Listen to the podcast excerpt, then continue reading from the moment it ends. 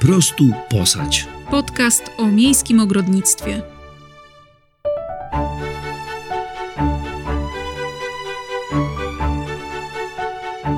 Cześć, jestem Joanna. Uwielbiam rośliny i sadzę je dosłownie wszędzie, nawet na dachu, a moja największa pasja to warzywnik. Cześć, jestem Darek. Ja odpowiadam za techniczne rozwiązania w naszym ogrodzie i wspieram Joannę w jego uprawie. Jestem jej tanią siłą roboczą, gdy sama nie daje rady. Zapraszamy na nasz podcast.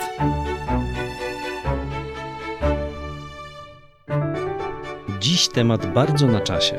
Jak zagospodarować od nowa teren pod ogródek warzywny i kwiatów ciętych? Opowiemy Wam o naszych doświadczeniach.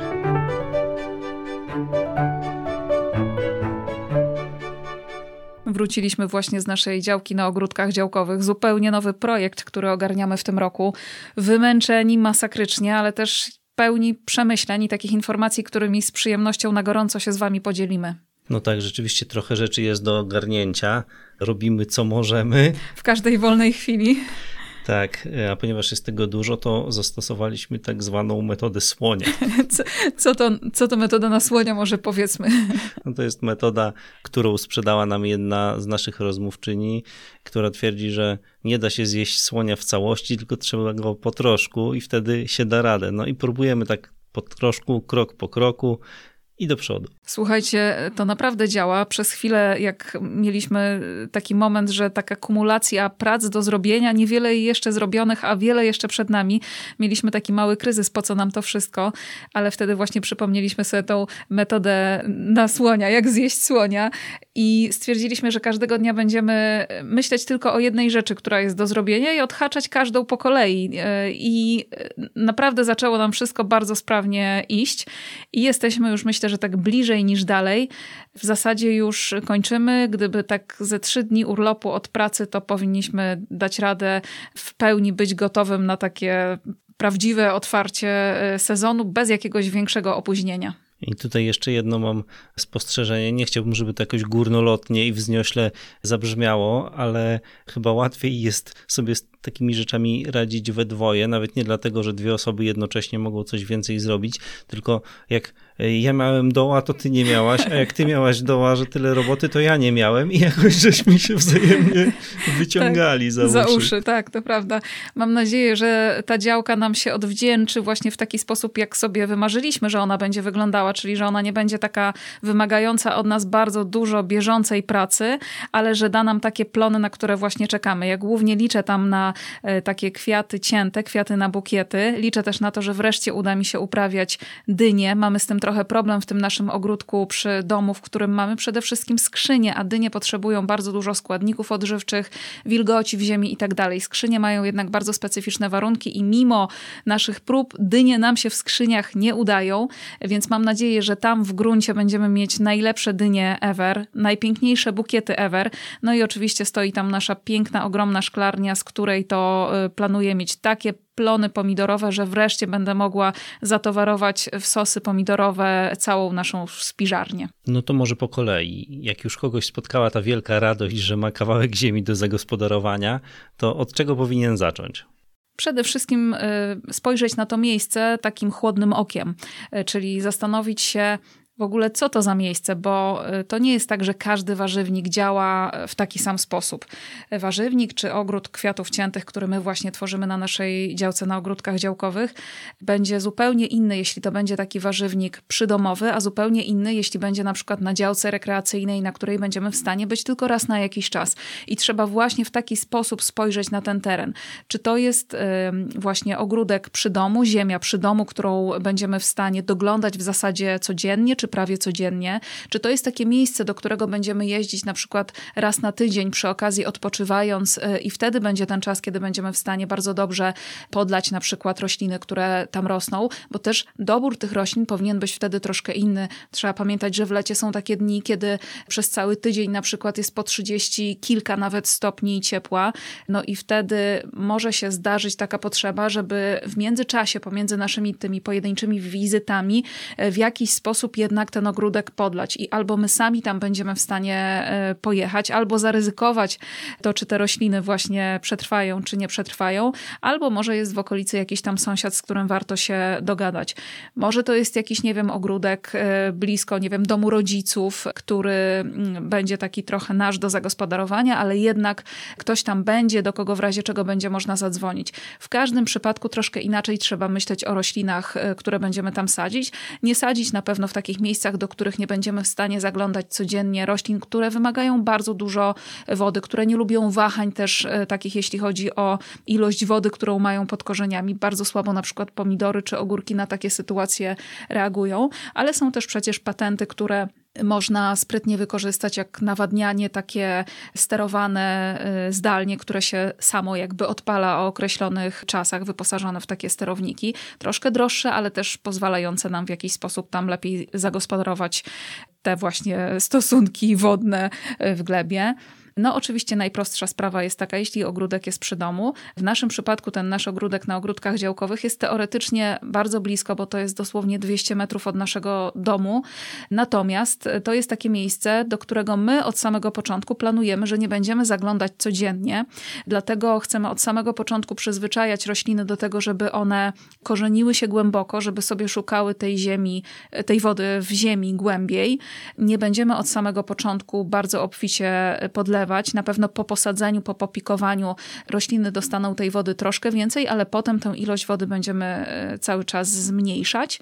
No i oczywiście ja sobie planuję, że będę miała taki jeden dzień w tygodniu, kiedy będę tam e, zaglądać po to, żeby wykonać jakieś takie podstawowe prace i na pewno będziemy tam zaglądać w niedzielę, wracając ze spaceru po to, żeby podlać.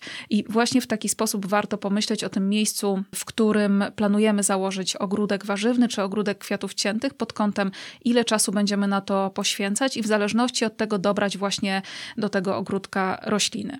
Fajnym takim patentem na sam start w ogóle myślenia o zagospodarowaniu nowego miejsca jest takie zaprojektowanie go. Oczywiście to nie musi być taki piękny projekt, jak robią na przykład architekci krajobrazu.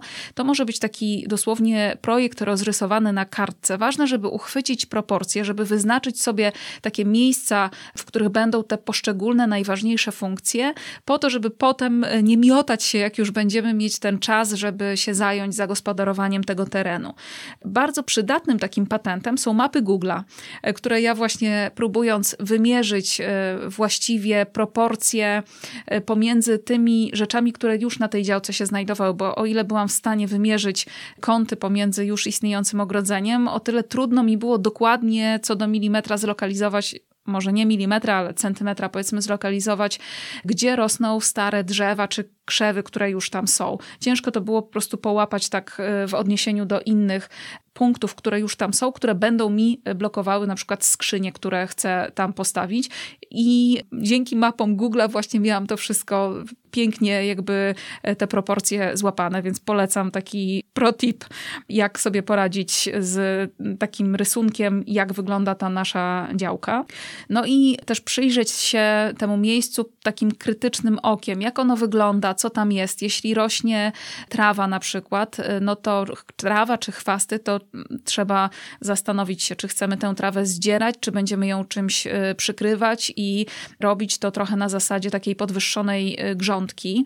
Trzeba wtedy oczywiście uwzględniać te warzywa, które będziemy uprawiać. E, jeśli robimy taką podwyższoną grządkę, na przykład rozkładając tekturę na trawie, to oczywiście jest dużo mniej pracy, ale trzeba nasypać tam odpowiednią ilość ziemi, żeby na przykład marchewka nam się korzonkiem pięknie zmieściła. My zastosowaliśmy na naszej działce taki patent, ponieważ ponieważ będziemy tam stawiać skrzynie y, niewielkiej wysokości, dosłownie chyba 20 czy 30 centymetrowe, e, więc trochę miałam taką obawę, że trawa może przerastać. Co więcej, wiem już z naszego ogródka przy domu, że to nie jest dobry patent, jeśli ma się skrzynie postawione bezpośrednio na trawie, bo po prostu ciężko tę trawę przy samej krawędzi skrzyń kosić.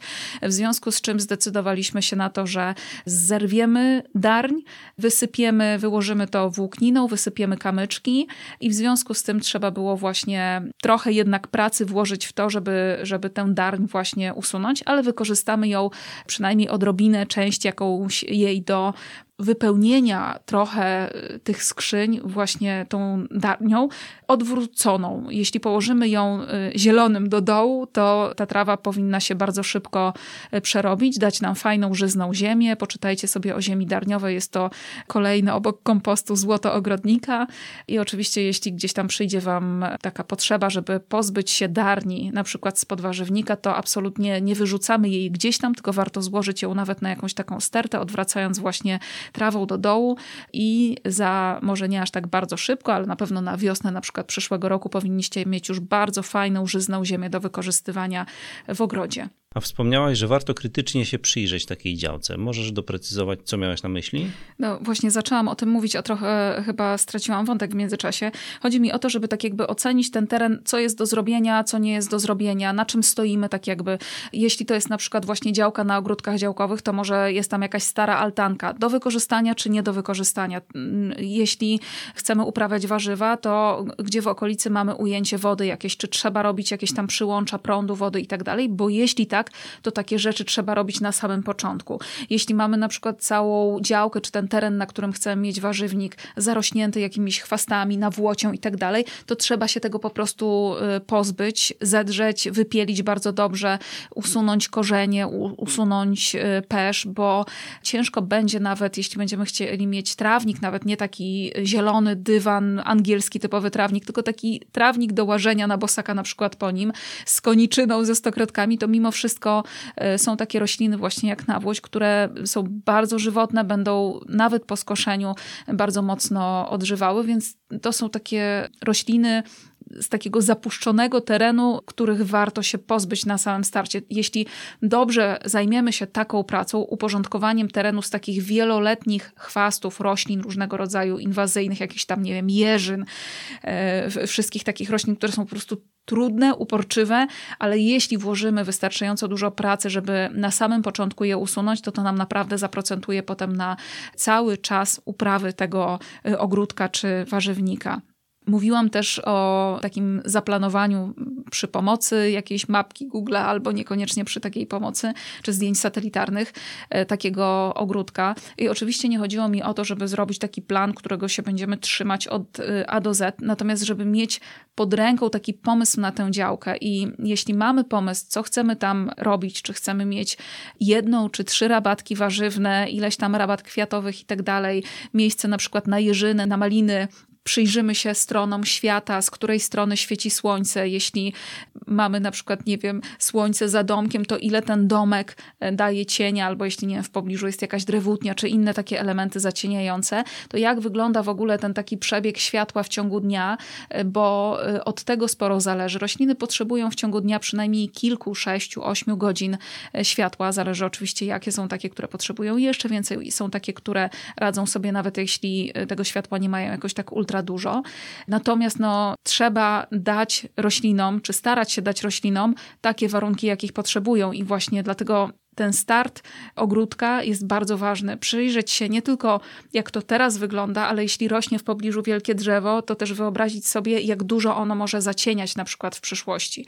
Spojrzeć na y, drzewa owocowe na przykład, które już tam rosną. Jeśli mają na przykład jakieś suche gałęzie, y, czy gałęzie, które wymagają przycięcia, to właśnie ten start jest bardzo dobrym momentem, żeby zająć się takimi pracami porządkowymi, tak żeby jakby samo sadzenie, sianie tych warzyw było już taką kosmetyką trochę na sam koniec.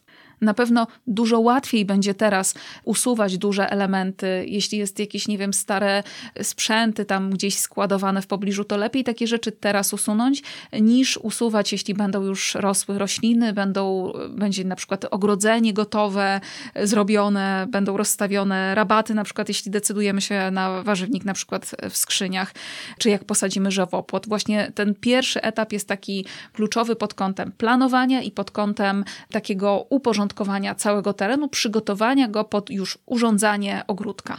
No i bardzo ważna rzecz, cała ta infrastruktura, która potem pomaga nam ogarniać cały ten warzywnik albo ogródek. No właśnie, trzeba się zastanowić, jeśli mamy w pobliżu na przykład przyłącze wody, to czy to nie jest dobry moment, żeby od razu takie przyłącze sobie na działkę przeciągnąć. I nie mówię o takim przekopywaniu czy wkopywaniu rury nawet w ziemię, choć to jest oczywiście bardzo komfortowe rozwiązanie, ale ogólnie o tym, żeby pomyśleć, skąd my na przykład będziemy brać na tej działce, w tym ogródku, wodę do podlewania roślin. I to może być oczywiście kran, ujęcie wody, jakaś tam, nie wiem, mini studnia i tak dalej, jeśli mamy takie możliwości, ale równie dobrze to może być, jeśli na przykład mamy warzywnik przy domu, e, taki szlauf rozłożony gdzieś tam na stałe i bardzo polecam to, żeby on był jednak na stałe, żeby nie przeciągać go za każdym razem przy podlewaniu, żeby nie biegać z konewkami, bo jest to bardzo, bardzo męczące. Podlewanie jest jedną z takich czynności, które w lecie wykonuje się bardzo często i potrafi naprawdę dać w kość. Jeśli nie mamy możliwości zapewnienia sobie ujęcia wody takiej bieżącej, e, to może warto postawić na przykład zbiornik na deszczówkę. My na przykład dostaliśmy taki sygnał od naszych ogródków działkowych, że e, tam owszem jest woda bieżąca, ale bardzo często się kończy, są awarie studni i tak dalej, więc planujemy jeden taki zbiornik typu Mauser podłączyć e, do rynny, żeby zbierała się deszczówka, ale w drugim na starcie sezonu zapewnić sobie jednak jakiś taki rezerwuar wody, którym będziemy w stanie na początku, przynajmniej wtedy jak posadzimy pierwsze rośliny, to mieć czym je e, podlewać. Jeśli mamy na przykład przyłącze prądu, albo jeśli myślimy o nawadnianiu kropelkowym, to właśnie teraz na samym początku sezonu jest ten moment, żeby zająć się takimi rzeczami. Im więcej roślin będzie się pojawiało w naszym ogródku, tym trudniej będzie to robić. Trzeba będzie je omijać i dolary przeciwko orzechom, że jakieś straty, uszkodzenia na pewno będą. Na naszej działce jest kilka starych drzew i krzewów, i zawsze jest taki dylemat w tej sytuacji: czy je wyciąć, czy zostawić. No my zawsze staramy się podchodzić do tematu w taki sposób, żeby jednak jak najwięcej e, próbować zostawiać. Stare jabłonie, poza tym, że czasami dają owoce, jeśli się o nie dba, to one też są piękne. Są takim, dla mnie są takim elementem trochę małej architektury, można powiedzieć, bo na pewno dodają uroku, dają cień, są schronieniem dla ptaków na przykład. No, mają mnóstwo jakby dodatkowych plusów poza owocowaniem. My w tym roku na naszej działce zostawiliśmy wszystkie, mamy tam trzy takie jabłonie, które jedna owocuje nieźle, dwie tak sobie. W tym roku nie daliśmy rady ich ogarnąć, przyjrzeć się, jakie mają choroby w ciągu roku i tak dalej. Natomiast y, myślę, że ten rok będzie taki, że y, będziemy mogli właśnie zobaczyć, co jest na liściach, jak wygląda kora, jak wygląda sama kondycja taka zdrowotna drzewa, jak wyglądają owoce, czy w ogóle one się pojawiają, w jakiej ilości, jak smakują te owoce też, czy warto zostawić właśnie takie drzewo, czy może troszkę je przyciąć, żeby żeby gdzieś tam mniej zacieniało na przykład. Natomiast nie uważam, że trzeba w takich sytuacjach działać jakoś tak zbyt pochopnie, że jak wchodzimy, to wycinamy wszystko w pień i dopiero zastanawiamy się, jak zagospodarować taką działkę. Te jabłonie rosły tam pewnie, myślę, że ze 30 lat przynajmniej i trochę tak myślę, że należy im się taki też trochę szacunek, nawet jeśli nie dają jakichś super plonów. Natomiast pośród tych różnych drzewek u nas jest też taka bardzo stara śliwka, bardzo dziwnie przycinana, e, która ma taki gruby pień i taką kitkę y, kilku gałązek na samej górze. Nawet ciężko z drabiny zrywać owoce. One w zasadzie wszystkie opadają. I ja się bardzo mocno zastanawiam, czy to drzewo zostawiać, czy nie. Już nawet zapadł na nie wyrok, ale pan, który miał wyciąć, nie dał rady do nas dotrzeć, a pani, która nam sprzedawała tą działkę w międzyczasie powiedziała, że to są najpyszniejsze śliwki na świecie, więc znowu dostały jeszcze jedną szansę i zobaczymy. Są przecież różne sprzęty do zrywania, więc być może nam się uda spróbować i jeśli się uda, to spróbujemy też na przyszły rok, a być może też od jesieni czy od zimy e, wprowadzić cały taki plan leczenia tych drzew różnego rodzaju ekologicznymi sposobami, tak żeby nie wprowadzać tam e, chemii i mam nadzieję, że nam się uda. E, na działce rosły też stare porzeczki. Ja je bardzo mocno przycięłam, e, bo z drugiej strony, wiecie, no trochę szkoda wyrzucać krzaczka porzeczki. Nawet jeśli ja go nie zjem, to skorzystają z niego jakieś tam ptaszory. Jeśli jest tam wystarczająco dużo miejsca, bo oczywiście jeśli ogródek jest mały, to też zostawianie wszystkiego, wszystkiego, wszystkiego sprawi, że to wszystko właśnie, co zostawiliśmy i to, co nowe wprowadzimy, będzie miało ciasno i, i wszyscy się będą czuli źle. Natomiast jeśli mamy jakieś tam miejsce, to nic nam nie szkodzi tak naprawdę zostawić jakiegoś tam starego krzaka, spróbować go przesadzić, spróbować go uratować, a nuż się uda. Trochę słabo e, byłoby wyrzucać e, stary krzak tylko dlatego, że jest stary i biec do sklepu ogrodniczego i kupować e, nowe po to, żeby posadzić sobie nowy, mniejszy i tak dalej, bo znowu, żeby on wydawał nam owoce, będzie potrzebował trochę czasu. Więc ten stary, jeśli go dobrze przytniemy porządnie, to on zmniejszy na pewno plonowanie, ale zregeneruje się i też w mniej więcej tym samym czasie podobne plony zacznie nam dawać. Jakieś mieliśmy tam też malinki takie pojedyncze, które e, też przesadziłam w jedno miejsce.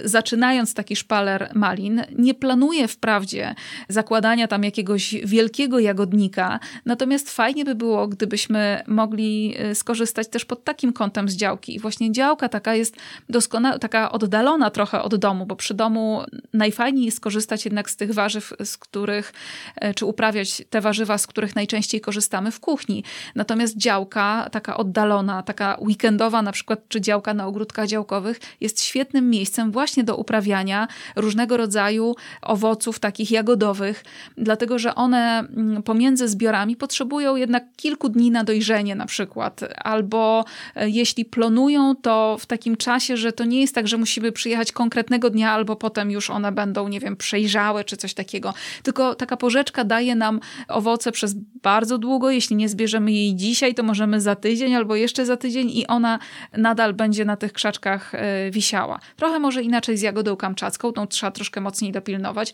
ale borówka amerykańska całkiem nieźle się trzyma też na krzaczku, także jest całe mnóstwo takich owoców właśnie krzewów jagodowych, które e, są świetnym patentem właśnie na działkę. I znowu, jeśli wchodzimy na taką działkę i widzimy nawet jakieś tam rachityczne, nie wiem, borówki i tak dalej, to poszukajmy, jakich one potrzebują warunków, dajmy im właśnie takie warunki. Jest bardzo duża szansa, że one w dobrym miejscu, z właściwą glebą, z właściwym odczynem tej gleby bardzo szybko ruszą i w perspektywie może nie tego sezonu, ale następnego już dadzą nam całkiem fajne plony. Ja wychodzę z takiego założenia, że wyciąć coś albo wyrzucić zawsze zdążymy, natomiast warto dawać szansę roślinom różnego rodzaju. Jeśli już mówimy o krzaczkach, to też w kontekście zagospodarowania działki fajnie jest przyjrzeć się nie tylko w taki standardowy sposób jak, gdzie posadzić takie krzewy, tylko też spojrzeć na przykład, może mamy altankę, na której ścianach możemy rozpiąć jeżynę, która normalnie zajmuje bardzo dużo miejsca, ale prowadzona w taki płaski sposób już dużo mniej, a owocuje równie obficie.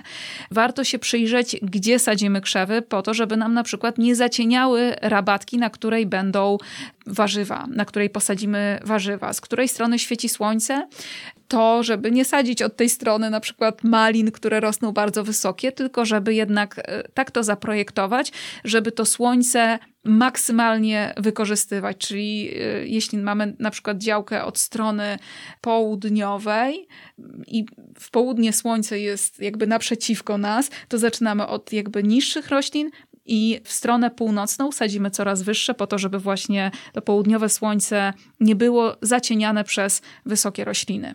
No mówisz o krzewach, ale e, ważna jest też mała infrastruktura, to gdzie co stanie. E, tak, tak, masz rację i to w zasadzie powinien być taki element e, naszego planu, właśnie to warto rozrysować. Poza rabatami i co gdzie posadzimy, to warto też rozrysować, w jakim miejscu stanie na przykład altanka, jeśli to jest działka właśnie oddalona od domu. Jeśli nie jest oddalona od domu, to ja bardzo polecam postawienie małej nawet e, ławeczki czy jakiegoś stolika, przy którym będziemy mogli na przykład e, przesadzać rośliny, odstawić sobie, odłożyć łopatkę i tak dalej. Takiego miejsca no nie wiem, takiego stoiska do pracy, pracy takiej ogrodniczej. E, na pewno ławeczka, jakiekolwiek siedzisko, niech to nawet będzie wielki kamień, na którym można przysiąść. Uwierzcie mi, że to bardzo, bardzo się przydaje. O ujęciu wody już mówiliśmy. To może być właśnie szlauf podpięty na stałe, to może być kran gdzieś tam w pobliżu. Warzywnik bez wody sobie nie poradzi albo będzie mu bardzo, bardzo trudno, więc na pewno trzeba myśleć o ujęciu wody. Jeśli właśnie to jest działka gdzieś tam oddalona, to na pewno przyda nam się jakieś miejsce takie schronienia, czy altanka, czy jakaś wiata, pod którą którą w razie deszczu będziemy mogli się schować. Jeśli są dzieciaczki, to y, też trzeba im zapewnić rozrywkę, piaskownica, huśtawka, cokolwiek. To też wszystko trzeba uwzględnić, żeby na przykład, nie wiem, zjeżdżalnia ślizgawki nie kończyła się przy rabacie z kwiatami, bo dzieciaki na pewno to y, podepczą. Warto pomyśleć o y, szklarni, oczywiście. Ja wszystkim bardzo polecam szklarnię, bo to na zupełnie inny poziom jakby wynosi ogródek, ale nie jest to taka rzecz, którą musimy mieć. Jeśli chcemy mieć pomidory, to na pewno szklarnia zwiększa szanse na posiadanie własnych, ekologicznych, niepryskanych pomidorów. Bez szklarni z pomidorami w gruncie jest dużo, dużo trudniej. No i co jeszcze? Kompostownik to jest taka rzecz, która na przykład na działkach, na ogródkach działkowych jest wręcz wymogiem. Musimy mieć kompostownik, a przy domu taki kompostownik po prostu warto mieć. Nikt nas nie zmusi do jego posiadania, natomiast kompostownik bardzo się przydaje. Można oczywiście wszystkie odpadki zielone ładować do worków i poprosić firmę odbierającą odpady, żeby nam je zabrała. Natomiast szkoda, bo te resztki roślinne mogą się zamienić w kompost, a kompost jest na przykład świetnym materiałem na ściółki jesienią na rabaty. Chroni glebę przed taką erozją, chroni glebę przed wzrostem chwastów, sprawia, że gleba jest cieplejsza, także warto mieć swój kompost i w ogrodzie każda ilość tak naprawdę jest do zużycia. Warto poza czymś do siedzenia, niezależnie od tego, czy to właśnie oddalona działka, czy bliska, mieć też takie miejsce, w którym schowamy narzędzia. Nawet w takim ogródku przydomowym to fajnie by było, żeby te narzędzia były pod ręką, bo praca w ogrodzie ogólnie jest męcząca, w warzywniku też. E, natomiast e, nie ma sensu dokładać sobie jeszcze biegania gdzieś tam, nie wiem, na drugi koniec ogrodu po to, żeby sobie przynieść narzędzia. Jeśli mamy możliwość posiadania jakiegoś takiego małego schowka pod ręką przy warzywniku na dosłownie, nie wiem, konewkę, łopatkę i tak dalej, to na pewno bardzo się przyda. Taczka czy jakiś taki wózek do przewożenia różnego rodzaju materiałów też jest bardzo przydatny. Okay, to mamy już plan, mamy infrastrukturę, mamy wykonane te wszystkie prace wymagające kopania i tym podobne, uporządkowany teren. Pytanie, co dalej, żeby móc e, zbierać warzywa, cieszyć się nimi? Do zbierania warzyw potrzebne nam są jakieś rabaty, na których te warzywa będziemy uprawiać. I to mogą być takie grządki na poziomie gruntu, to mogą być y, skrzynie, w których będziemy uprawiać warzywa czy kwiaty, y, to mogą być jakieś kopce permakulturowe na przykład. Jest y, sporo takich rozwiązań. Na takiej działce, która jest najbardziej oddalona od domu, czyli najmniej będziemy podlewać, ja najbardziej bym polecała jednak warzywnik taki na poziomie gruntu, dlatego że w ziemi jest ogólnie najwięcej wilgoci. Im bardziej wynosimy podnosimy ten poziom uprawy warzyw ponad ten poziom macierzystego gruntu, tym szybciej ta ziemia będzie przesychała. Więc jeśli decydujemy się na skrzynię, to z tą świadomością, że będziemy musieli je troszkę częściej podlewać. No i teraz jak przygotowujemy teren pod y, taki warzywnik?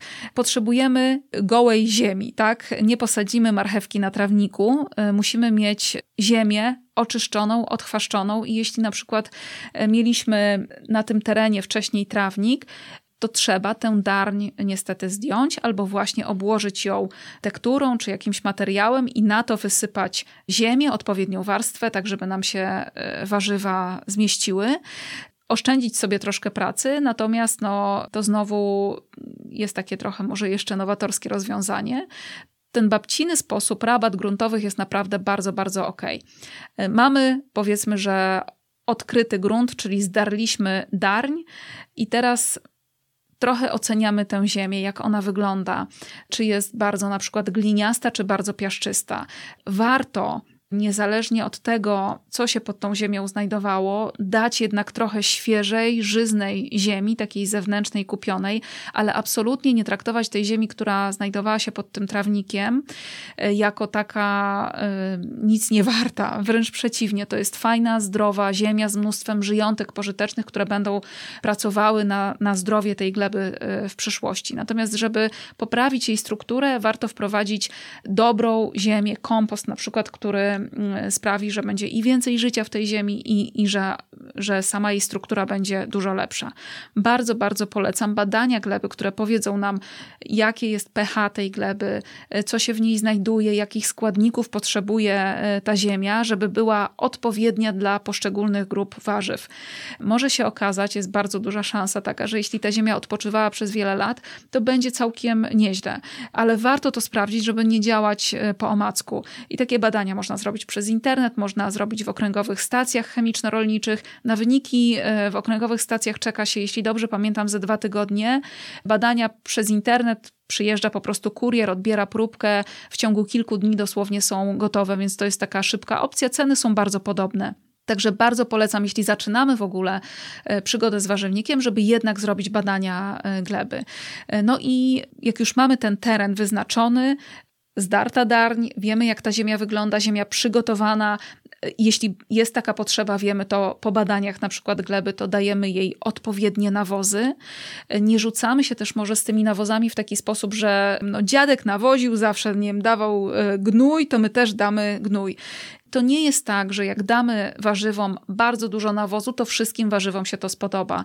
Polecam tutaj przyjrzenie się e, takiemu zagadnieniu jak płodozmian. Tam są takie rodziny roślin, e, które bardzo lubią rosnąć świeżo po oborniku i takie, które bardzo nie lubią mieć za dużo tego jedzenia w ziemi, bo po prostu będą słabo reagowały. Trochę jak z człowiekiem. Jeśli za dużo zjemy, no to nie czujemy się dobrze, tak? Jeśli nie potrzebujemy aż takiej ilości jedzenia i zjemy taką ilość, na pewno nie będziemy czuć się dobrze. Przeżyjemy, ale jednak nasza kondycja nie będzie taka dobra, więc bardzo polecam, żeby nie sypać nawozów jak popadnie, tylko jednak spróbować zbadać tą glebę i dać taki nawóz, jaki jest potrzebny, ale bardzo fajnym patentem jest w ogóle podzielenie sobie ogródka właśnie na e, takie kwatery, co do których będziemy pilnować. W jednym roku nawozimy, potem ta ziemia odpoczywa przez jakiś czas i rosną na niej warzywa, które potrzebują w kolejnych latach, takie, które potrzebują coraz mniej składników odżywczych. Jeszcze raz odsyłam do płodozmianu na naszym blogu po prostu posać.pl. Jest to rozpisane bardzo dokładnie. Jest to z pozoru może trudna rzecz, natomiast jak się troszkę w nią wgryzie, to e, sprawy stają się łatwe i na pewno nasze warzywa bardzo na tym korzystają. Mamy już fajną, przygotowaną ziemię, jest w niej tyle jedzenia, ile trzeba. Musimy wyznaczyć rabaty. To znaczy, to nie jest tak, że warzywa będą sobie rosły na jednym wielkim terenie. Musimy mieć dobry dostęp do tego, żeby móc je pielić, e, móc zrywać plony na przykład, więc fajnie wyznaczyć takie rabaty, które mają, nie wiem, metr, może półtora metra szerokości, do których mamy dostęp dobry z dwóch stron, wyznaczyć odpowiedniej e, szerokości ścieżki. I tutaj takie 40 centymetrów to jest może nawet 50 czasami e, pozwala nam na przykład już taczką wjechać na, pomiędzy takie grządki. Wszystko zależy oczywiście od tego, ile mamy terenu do dyspozycji. Jeśli mamy go mało, robimy węższą ścieżkę. Jeśli mamy go dużo, dajemy sobie e, możliwość jakby właśnie e, bardziej komfortowych warunków, trochę szerszej ścieżki. Warzywa w, w środku sezonu będą tak ogromne najprawdopodobniej, że i tak nawet te szerokie ścieżki bardzo szybko zarosną. Jeśli stawiamy skrzynię, to też zastanawiamy się nad ich wysokością. Im wyższe, tym oczywiście więcej ziemi, mniej będzie przesychać, im niższe, tym e, roślinki będą miały większy kontakt z tą ziemią macierzystą. My się będziemy musieli więcej schylać, natomiast też wyższe skrzynie, więcej materiału, większy koszt. Wszystko zależy trochę od naszych lokalnych warunków. Jeśli gdzieś tam przy domu, po budowie na przykład zostały nam deski, no to trzeba je wykorzystać, szkoda wyrzucać. I wtedy może jest ich tak dużo, że możemy sobie pozwolić na wyższe skrzynie, ale też trzeba pamiętać, że do tych wyższych skrzyń trzeba będzie wsypać więcej ziemi, więc zaraz pójdzie nam więcej kasy na ziemię na przykład, nie? Trzeba się jakby zastanowić, jakie mamy, jakimi zasobami dysponujemy, wykorzystać na maksa to, co mamy gdzieś tam w swojej okolicy, no i zainwestować też w to, co da nam trochę jakby lepsze plony na przykład, czyli ziemia dla mnie jest takim, e, takim elementem, na którym nie warto oszczędzać. Jeśli kupimy słabą ziemię, to ona niestety będzie trochę nam się czkawką odbijała potem w kolejnych latach, bo zanim ją doprowadzimy do takiego stanu, który roślinom będzie się podobał, w którym one będą się czuły komfortowo, to też trochę czasu i nakładów minie, więc lepiej akurat w ziemię, jeśli nie mamy takiej e, swojej, na przykład gdzieś tam, nie wiem, z pola od jakiegoś rolnika, to warto po prostu e, kupić ziemię. Ziemia jest dostępna w ogóle na portalach ogłoszeń lokalnych, niektóre miasta mają swoje kompostownie, także e, warto się trochę rozejrzeć i kupić taką ziemię, która właśnie będzie dla roślin jak najlepsza. Jeśli stawiamy skrzynię, to ja bardzo, bardzo polecam wyłożenie tego terenu jednak jakimś materiałem, który ścieżki nam trochę odizoluje od y, chwastów, na przykład, czy od trawy. Myślę, że każdy, kto kosi trawnik przy domu na przykład, ma takie doświadczenia różnego rodzaju instalacji stojących w ogrodzie, do których jeśli trawa dorasta do samej ściany, to po prostu nie ma opcji, żeby tę trawę dobrze skosić, potem takie wąsy stoją. Jeśli komuś to nie przeszkadza, to oczywiście super i czuje się dobrze w swoim ogrodzie. To właśnie o to chodzi, żeby żeby no właśnie czuć się dobrze i mieć tak, jak nam się podoba. Jeśli komuś to przeszkadza, e, to ja bardzo, bardzo, bardzo polecam e, jednak takie trochę wydzielenie i wizualne, i takie praktyczne też takiego terenu warzywnika od trawnika na przykład, czyli sprawienie, żeby wokół na przykład skrzyni była taka, nie wiem, 10-centymetrowa nawet warstwa żwirku jakiegoś, to mogą być zrębki drewniane, która jednak sprawi, że to kółko kosiarki będzie w stanie przejechać obok skrzyni i ta trawa nie będzie tam e, wyrastać. Bardzo polecam, czy pod zrębki, czy pod e, żwirek na przykład, dać jednak jakiś materiał, który trochę przyblokuje nam chwasty, bo to nie jest tak, że spod żwirku grubej warstwy nic nie urośnie. Urośnie i z roku na rok będzie tego coraz więcej, bo mm, zrębki może rozkładają się trochę szybciej, e, żwirek może nie rozkłada się aż tak szybko, natomiast on gromadzi różnego rodzaju pyły, resztki roślin, jakieś liście, które spadają, też się rozkładają i tej materii takiej, e, na której roślina może się zaczepić i wypuszczać w nią korzonki, z roku na rok będzie coraz więcej. Więc warto jednak, żeby jakakolwiek tkanina pod e, takim żwirkiem się znalazła, nie pod samymi skrzyniami, absolutnie nie. Fajnie, żeby rośliny jednak miały możliwość zapuszczania korzeni głębiej, szczególnie jeśli skrzynie są niskie, ale właśnie pod y, ścieżkami, tam gdzie są ścieżki, żeby nam chwasty tam właśnie nie przerastały. Bardzo mocno polecam po doświadczeniach z jakimś nie wiem, kretoszczurem, który nam się dostawał do skrzyń i po prostu zjadał buraczki e, od środka, żeby dno skrzyń wyłożyć siatką na krety. Ale trzeba to też robić oczywiście rozsądnie, dobrze tę siatkę napiąć, żeby nam się jakieś zwierzątko w to nie zaplątało. Można na przykład od spodu do skrzyń takerkiem przyczepić taką e, siatkę bardzo dobrze, tak żeby ona chroniła te skrzynie, ich wnętrze przed tym, żeby jakieś żyjątko się tam dostało z podziemi, natomiast jednocześnie, żeby umożliwiała, żeby korzenie roślin przez nią przerastały. Bardzo, bardzo to polecam, naprawdę, bo można trochę się jednak e, sfrustrować, jak e, cały plon buraczków na przykład nam jakiś, nie wiem, karczownik czy inne tam żyjątko, czy kret na przykład spożyje. Nie jest oczywiście nigdy tak, że, że takie zwierzątko zje wszystko, ale jednak yy, no ja nie, nie, byłam zadowolona, jak poszłam zrywać w październiku buraki i okazało się, że nie ma ani jednego całego, bo każdy był dosyć solidnie nadgryziony. No i chyba tyle, tak? Mamy rabaty, mamy y, ścieżki, mamy skrzynie, jeśli mamy to wyłożone y, właśnie siatką na jakieś tam żyjątka gryzące. Y, można siać i sadzić, no i tyle. To jest ostatni etap. Bardzo polecam uważać, żeby nie robić tego trochę tak na hura, tylko żeby jednak rozplanować te właśnie nasadzenia, żeby rośliny e, dobrze się czuły w swoim towarzystwie i tutaj dobre sąsiedztwo, tabele również odsyłam do naszego bloga, tam wszystko jest właśnie rozpisane. E, to ma naprawdę znaczenie. To tak jak z ludźmi, z jednymi czujemy się dobrze, z innymi niekoniecznie, nawet jeśli wyglądają bardzo podobnie do siebie, więc e, warto jednak śledzić to. Planować nasadzenia też w taki sposób, żeby rośliny się nawzajem nie zacieniały na przykład, czyli wyobrażać sobie te ich docelowe wielkości, wysokości, przewidywać trochę. Ja trochę tak działam w, w, warzywniku na wyobraźnię, czyli jak mnie ktoś pyta, co ile trzeba sadzić kapustę, to trudno mi tak odpowiedzieć w centymetrach. Natomiast ja jak sadzę kapustę, no to wiem, jaki rozmiar ma kapusta i staram się właśnie tyle miejsca jej zostawić, taki docelowy rozmiar. To może się wydawać bardzo szeroko na początku, ale na przykład na wiosnę ja bardzo lubię uzupełniać rabaty warzywne sałatą. Na przykład jest mnóstwo kolorowych odmian sałaty i można sobie taką sałatę posadzić właśnie między. Y, y, sadzonki, w ogóle sałaty są super tanie zwykle na wiosnę, więc można trochę potraktować taką sałatę jak taki wypełniacz, y, który jak się nam uda zjeść, no to super, ale jak się nam nie uda, to po pierwsze będzie cieszył oczy, po drugie zasłoni trochę glebę, że nie będzie tak przesychała, chwasty nie będą mogły rosnąć. Jak przyjdzie moment usunięcia, no to oczywiście usuniemy. Może, nie wiem, jakiś sąsiad ma króliki, kury czy coś takiego, że możemy się podzielić. My skorzystamy, ktoś tam jeszcze skorzysta, także bardzo, bardzo polecam. Może jeszcze z takich infrastrukturalnych rzeczy, jeśli chodzi o zagospodarowanie rabat na warzywa, warto przemyśleć różnego rodzaju podpory, czyli jakieś wigwamy, na przykład po których mogłyby się wspinać dynie, fasole i tak dalej, pergole różnego rodzaju. Pergole, na pergolach pięknie wyglądają dynie w ogóle, więc y, to na pewno jest taka ważna rzecz, jeśli chodzi o infrastrukturę, żeby to było gdzieś tam w pobliżu. Gdzie postawić na przykład beczkę, w której będziemy mogli ogrzewać troszkę wodę po to, żeby podlewać. Na przykład pomidorki, ogórki bardzo lubią być podlewane taką odstaną, ciepłą wodą, więc może warto też zaprojektować zaplanować sobie gdzieś tam takie miejsce na wielką beczkę, do której na przykład deszczówkę będziemy mogli zbierać i ona się w niej będzie e, nagrzewać.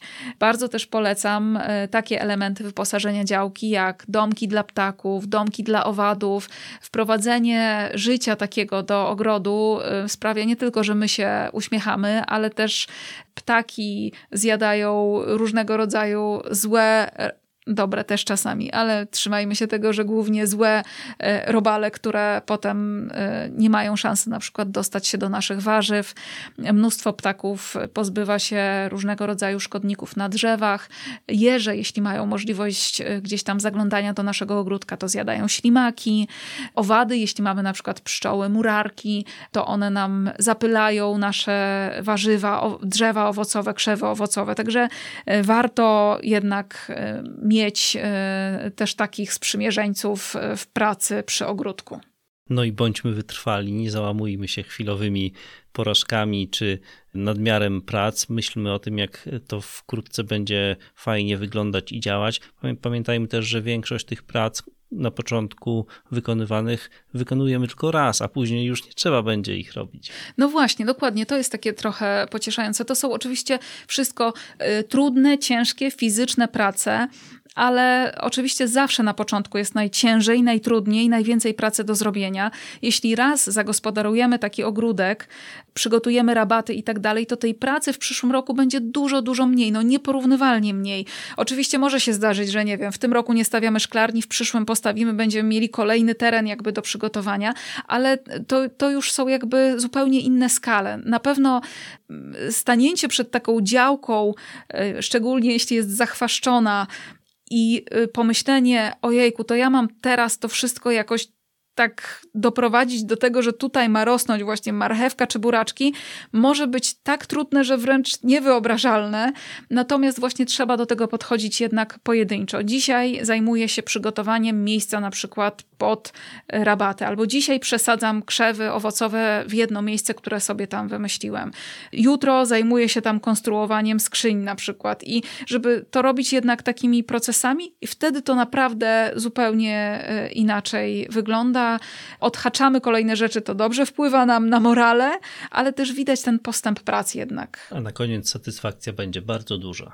To prawda. My w zasadzie co roku mamy jakiś nowy warzywnikowy projekt do ogarnięcia. W zeszłym roku zagospodarowywaliśmy taras pod y, warzywnik taki w skrzyniach. W tym roku mamy do zagospodarowania tą działkę na rod, ale satysfakcja z takiego miejsca, jak ono zaczyna żyć, jak rosną te rośliny, jak mamy plony, jest niesamowita i mam nadzieję, że każdy z Was w tym roku, jeśli zdecyduje się na uruchomienie takiego nowego miejsca, na stworzenie takiego właśnie ogródka warzywnego czy kwiatowego, to poczuje gdzieś tam koło połowy sezonu ogromną, ogromną satysfakcję, niosąc do kuchni czy wioząc do domu pierwsze swoje własne wyhodowane przez siebie plony.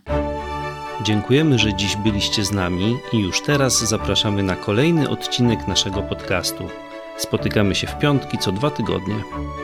Po codzienne informacje i inspiracje zapraszamy na nasze konto na Instagramie po prostu posać, a także na bloga poprostuposać.pl. A jeśli nasze treści okazały się dla Was przydatne, możecie postawić nam wirtualną kawę na buycoffee ukośnik po prostu posać.